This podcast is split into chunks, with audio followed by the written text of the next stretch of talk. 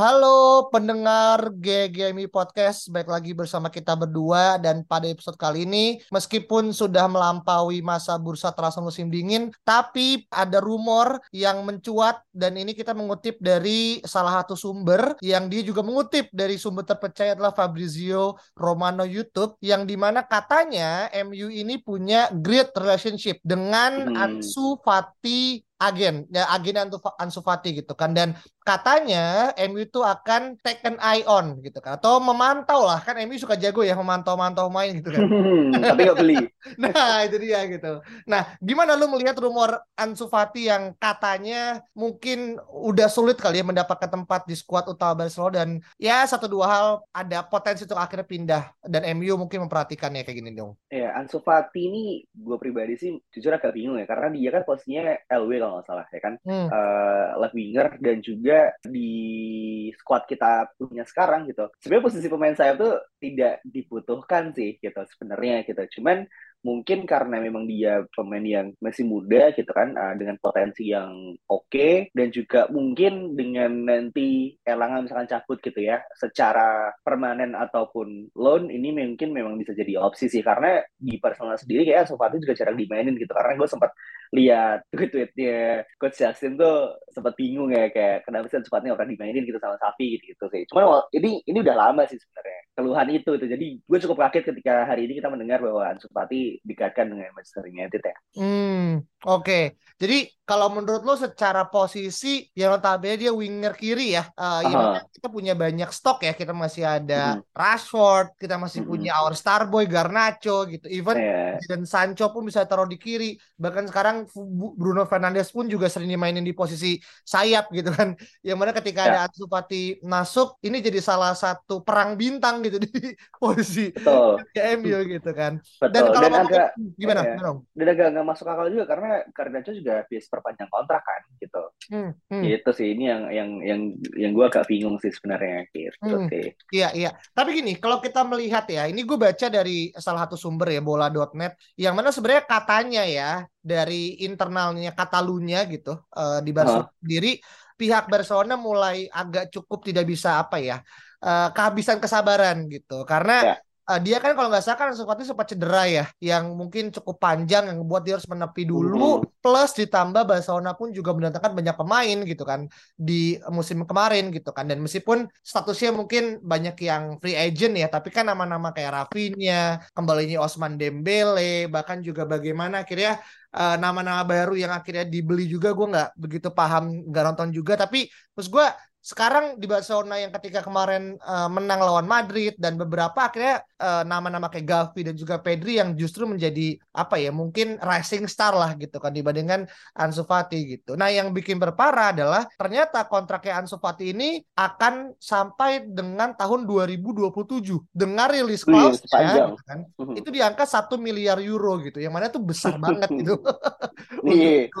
Pemain muda gitu. Nah, lu ngelihat meskipun satu ketidakmungkinan, tapi kenapa seorang mungkin ya MU ataupun Erik Ten Hag eh, melihat ini bisa menjadi satu opsi kira-kira? Ngapa karena satu posisinya Fatih yang sekarang unsure gitu kan, dan kita perlu untuk menyelamatkan quote unquote karena dia, atau mungkin Ten Hag punya opsi lain tentang Ansu Fati sendiri? Nah, makanya ini kayaknya hanya mungkin bola liar ya, dalam artian kayak secara kebutuhan squad ini tidak make sense sebenarnya gitu. Karena kita juga punya Diallo dan juga Facundo Pellistri kan. Iya. Di sisi saya gitu dan pemainnya sama-sama pemain muda dan juga eh, Diallo sekarang juga sedang eh, perform thriving di Sunderland sementara Facundo Pellistri juga Ten Hag dia pengen integrate dia di first team gitu. Secara secara dia di bulan Januari ini kan tidak dilepas ya. Maka daripada itu ketika ada Ansu Fati apakah mungkin hanya permainan engineer? Yang dengan secara sengaja uh, share berita tersebut gitu. Apa karena memang uh, dia punya sesuatu yang mungkin bisa jadi uh, pembeda gitu di skuadnya Ten Hag. Dan jujurnya saat, pada saat ini gue sih belum belum bisa melihat hal itu gitu. Apakah ini bisa jadi uh, momen United untuk cari attacking winger yang muda lagi atau enggak itu itu menurut gue agak masuk akal gitu. terlebih ketika kita punya beberapa macam isu yang memang harus segera di short gitu seperti striker lalu midfield dan juga kiper Hmm, oke. Jadi eh, ini lebih kepada permainan media kalau lu lihat ya. ya atau kalau enggak memang dia sengaja dipantau sampai tahun 2027 itu uh, yes gitu. dipantau nih perkembangan sampai tahun 2027. Nah, ntar kan pemain udah pada tua tuh kan, mungkin ya ada beberapa pemain yang mungkin udah mau pindah gitu kan, atau udah mau pensiun dini kan kita juga nggak tahu ya. Jadi yeah, itu yeah. baru adalah momen ketika Ten Hag akan beli Ansu Fati, menurut gue gitu. 2027 masih empat tahun lagi.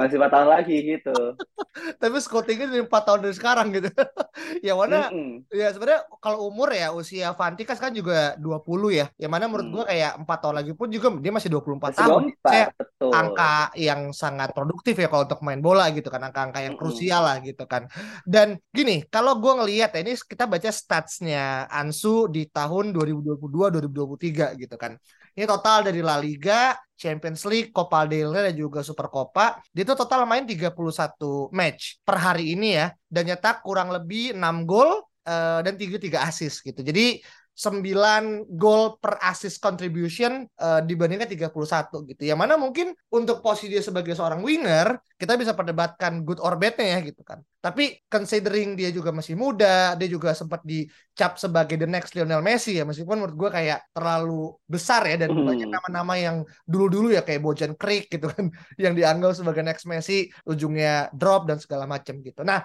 kalau kita ngelihat nih dengan stats yang dia punya dan kita juga nggak boleh lupa dia punya uh, rekor cedera ya karena dia juga kemarin sempat ditepikan. Yeah. Gitu. Uh, inikah ini apakah bisa dibilang pembelian kalaupun kita jadi ya dan regardless berapa harganya ini akan jadi salah satu pembelian yang mungkin Tenak bisa ngelihat ini adalah masa depan dan kita bisa bayangkan ya misalkan Fatih dan juga Garnacho gitu kan di posisi sayap hmm. gitu kan dan hmm. itu akan ngebangun suatu empire gitu atau terlalu turis gitu terlalu risky untuk akhirnya kita bisa ngeboyong dia dengan catatan catatan uh, apa namanya uh, apa sih potensi cedera yang dia punya Om ya selama dia belum bisa perform secara konsisten dan juga apa ya nge-replicate ekspektasi yang orang-orang punya terhadap dia dengan output yang oke okay sih ini jujur sangat risky gitu. Apalagi dengan secara duit satu miliar euro tuh sangat gak masuk akal sih satu miliar euro tuh lo bisa bikin squad kayak Manchester City loh.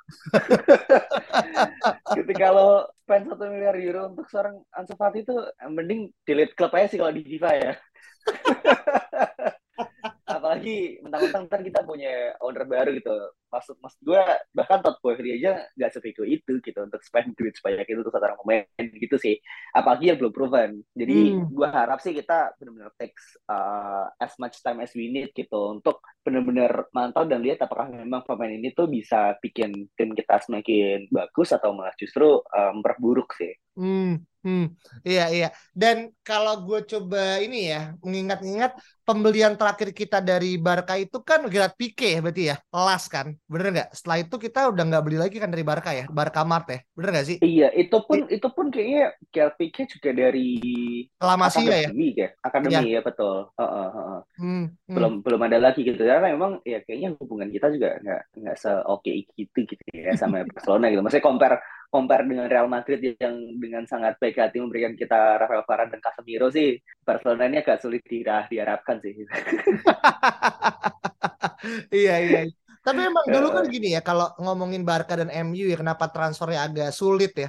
Karena kan uh -huh. kita selalu ngelihat Barca itu kan di atas MU kan. Nggak tahu ya dari sudut pandang gue. Jadi kayak ketika ada main Barca pindah ke MU tuh kayak somehow tuh kayak seolah ya ini mungkin bisa jadi salah gitu. Kayak seolah lu penurunan uh, tim gitu. Dulu ya gitu kan apalagi pas zaman-zamannya Messi, trio MSN uh. gitu kan. Ya uh. apalagi gitu kan MU juga terpuruk gitu. Jadi kayak uh. kita bisa ngebaca kayak uh, ada ada kasta, ada strata gitu. Makanya pas kemarin Varane dan juga Casemiro itu dari bar dari Madrid ke MU itu jujur menurut gue adalah musim yang anomali gitu karena baru kali ini kayak hmm. MU ternyata punya nilai jual yang yang so far ya, gue pahami, oh ternyata Madrid dan Barca tuh nggak selama di atas MU kok gitu secara value ya gitu kan.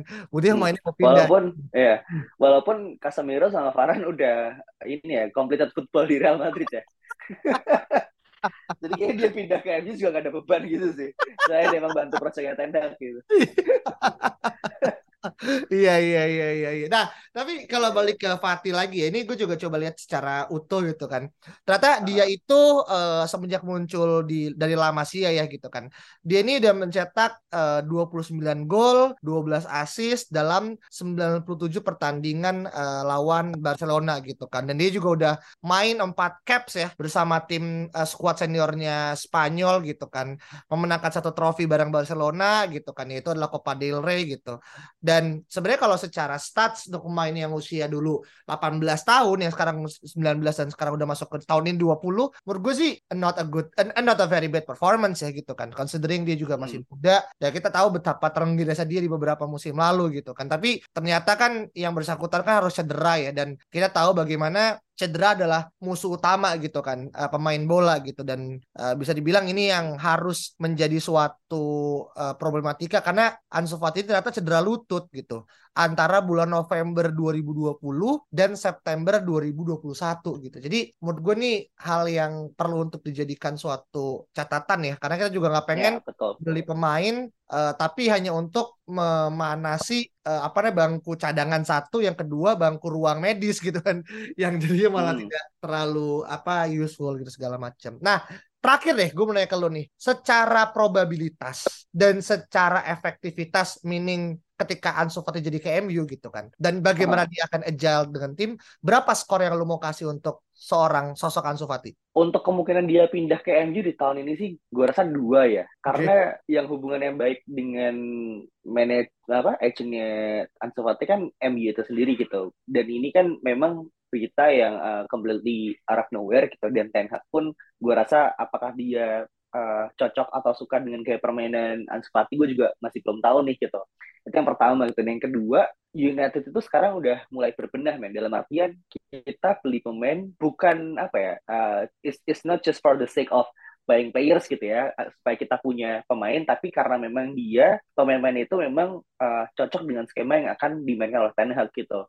Dan ini kan kita bisa lihat dengan uh, datangnya Anthony gitu datangnya Weghorst gitu nama-nama yang memang secara secara profil dia bukan nama yang besar gitu Weghorst dan juga uh, Sabitzer mungkin atau dan juga Button itu bukan nama-nama yang mentereng gitu. Tapi secara permainan skema permainan yang akan dijalani gitu mereka paham dengan apa yang mau dilakukan oleh Ten Hag. Jadi hmm kalau misalkan memang kita hanya pantau sampai tahun 2027 sih gue benar-benar gak masalah gitu cuman kalau misalnya untuk beli di, di musim panas ini gitu sementara kita tahu bahwa kita punya masalah di uh, posisi yang lain ini yang gue jujur gak masuk akal bagi gue hmm. atau mungkin Nenak ingin mencoba skema hmm. Ansu Fati sebagai false nine mungkin gue nggak tahu ya karena kan kadang pelatih punya apa ya skema dan untuk mencapai suatu level dia perlu meracik suatu uh. yang berbeda gitu. Kadang kita tahu di mana dulu mungkin uh, Pep ya pernah memasang Sterling uh. gitu kan di posisi striker gitu kan ketika okay. uh, eranya City dua tahun tiga tahun lalu gitu kan dan mungkin ya itu bisa menjadi suatu alasan kenapa kira Ten Hag juga tertarik karena mencari striker sekarang karena harganya juga selangit ya Kane, Osimhen dan ya Vlahovic juga mungkin angkanya juga nggak hmm. murah gitu. Makanya dia mencoba mencari opsi terbaik dengan potensi yang bisa dibilang cukup oke okay gitu kira-kira untuk terakhir dong. Kalau Ten Hag mau, emang mau false nine, harusnya sih di Januari kemarin kita benar-benar serius kejar Joao Felix ya yang secara profil dan output itu mungkin dua tiga kali lebih jago daripada Ansu Fati gitu. Jadi agak nggak masuk akal kalau misalnya tiba-tiba dia pengen false nine gitu. Sementara di striker kita cuma literally kita cuma punya Anthony Martial dan juga Weghorst tuh. Martial pun dengan biasa cedera pasti juga akan dijual menurut gue gitu di bursa transfer musim panas ke depannya sih. Jadi kayaknya no chance kalau misalkan uh, Ten Hag tiba-tiba beralih jadi um, false nine gitu. Dan kalau gue nggak salah pun ketika dia di Ajax dia cuma kalau nggak salah cuma satu musim ketika dia pakai false nine itu di gue lupa mungkin 8 18 19 ketika uh, Ajax pakai Dusan tadi di depan sih dan sebelum sebelumnya Sebastian Haller di striker itu benar-benar luar biasa gitu bagi Ten Hag jadi nyanyi dia tetap butuh seorang traditional striker sih daripada false nine. Hmm, oke. Okay. Jadi uh, dianggap kayak timingnya kurang tepat, bukan timing kurang tepat. Sebenarnya kayak kalau emang kita pengen Betul. post nine ya harusnya dari Januari yeah. ketika emang ada uh, opportunity ya yeah. untuk menggayat Joao Felix uh ya di Piala Dunia kalau kita rujukannya last competition kan dia juga tampil apik ya uh, dengan uh bagaimana dia sama Bruno gitu kan. Yeah. Jadi uh, ya yeah, betul Iya kan, terlepas mungkin ketika dia akhirnya pindah ke Chelsea digajar kartu merah itu kita belum melihat permainan Felix lah yang sesungguhnya gitu kan. Iya, kecuali kecuali memang kalau misalkan squad kita emang udah beneran komplit ya. Dalam artian kita memang punya variasi di dari segi permainan untuk apa ya sebagai pilihan lah gitu. Itu bisa gitu. Sementara kan squad kita sekarang masih masih proses gitu. Ini belum belum sepenuhnya Ten Hag full gitu kalau misalnya orang-orang bilang. Jadi kalau misalkan Ten Hag udah punya squad yang dia mau gitu dengan sistem permainan yang sudah udah uh, jelas dan dia suka, I don't see why not gitu. Kalau misalnya memang Ten Hag pengen punya preferensi yang lain gitu sih. Hmm, hmm. Oke, okay, jadi kasarnya kalau kita ngomongin prioritas ini tier kedua kali ya. Ketika lu melengkapi tier pertama lu dulu kan striker, center midfield, yeah. gitu. even mungkin CB gitu kan, RB atau mungkin mm -hmm. GK gitu ya. Baru terakhir nih adalah LW gitu. mm -mm. Betul sekali. Iya iya iya iya. Oke. Nah, ini sebenarnya juga rumor yang dadakan ya. Kita juga baru tahu ternyata dari uh, apa namanya YouTube-nya Fabrizio juga dan ternyata rame nih per kita tag nih gue sambil nge-scroll di Twitter juga banyak yang mulai hmm. nge-repost. Jadi cukup valid ya. Tapi sekali lagi kayak yang pernah gua sama Alvin saya itu bilang pasti selepas dari rumor atau sorry selepas dari bursa transfer selesai pasti deh next upcoming week tuh pasti ada nama-nama yang entah kita kemudian dikait-kaitkan tapi nggak muncul di media atau tiba-tiba aja gitu kayak out of nowhere gitu kan entah karena agen hmm. entah karena sang pemain mungkin ngerasa nggak nyaman dengan klub dan ya selayaknya MU MU punya traction MU punya nama dan semua yang dikaitkan dengan MU mungkin ngejual ya gitu ya jadi ya hmm. media akhirnya mengkait-kaitkan oh kebenaran Ansu Fati yang kita perlu lihat apakah rumor ini akan terus menjadi rumor atau bahkan menjadi konkret ketika emang mendekati mungkin bulan-bulan April akhir ya karena kan dibuka kan kalau nggak salah bulan mm-hmm. Mei ya untuk terkait dengan bursa mm-hmm. transfer Mei Juni gitu kan jadi we'll see apa yang terjadi dan kalau teman-teman punya pendapat berbeda mengenai Ansu Fati atau mungkin pendengar GGMU rasa Ansu Fati adalah the last missing jigsaw gitu kan dari apa yang akan yeah. dicari Ten Hag gitu kan. Uh, ya silakan tulis komen dan tetap follow Twitter dan juga Spotify kita. Dan kita ketemu lagi pada kesempatan. Bye bye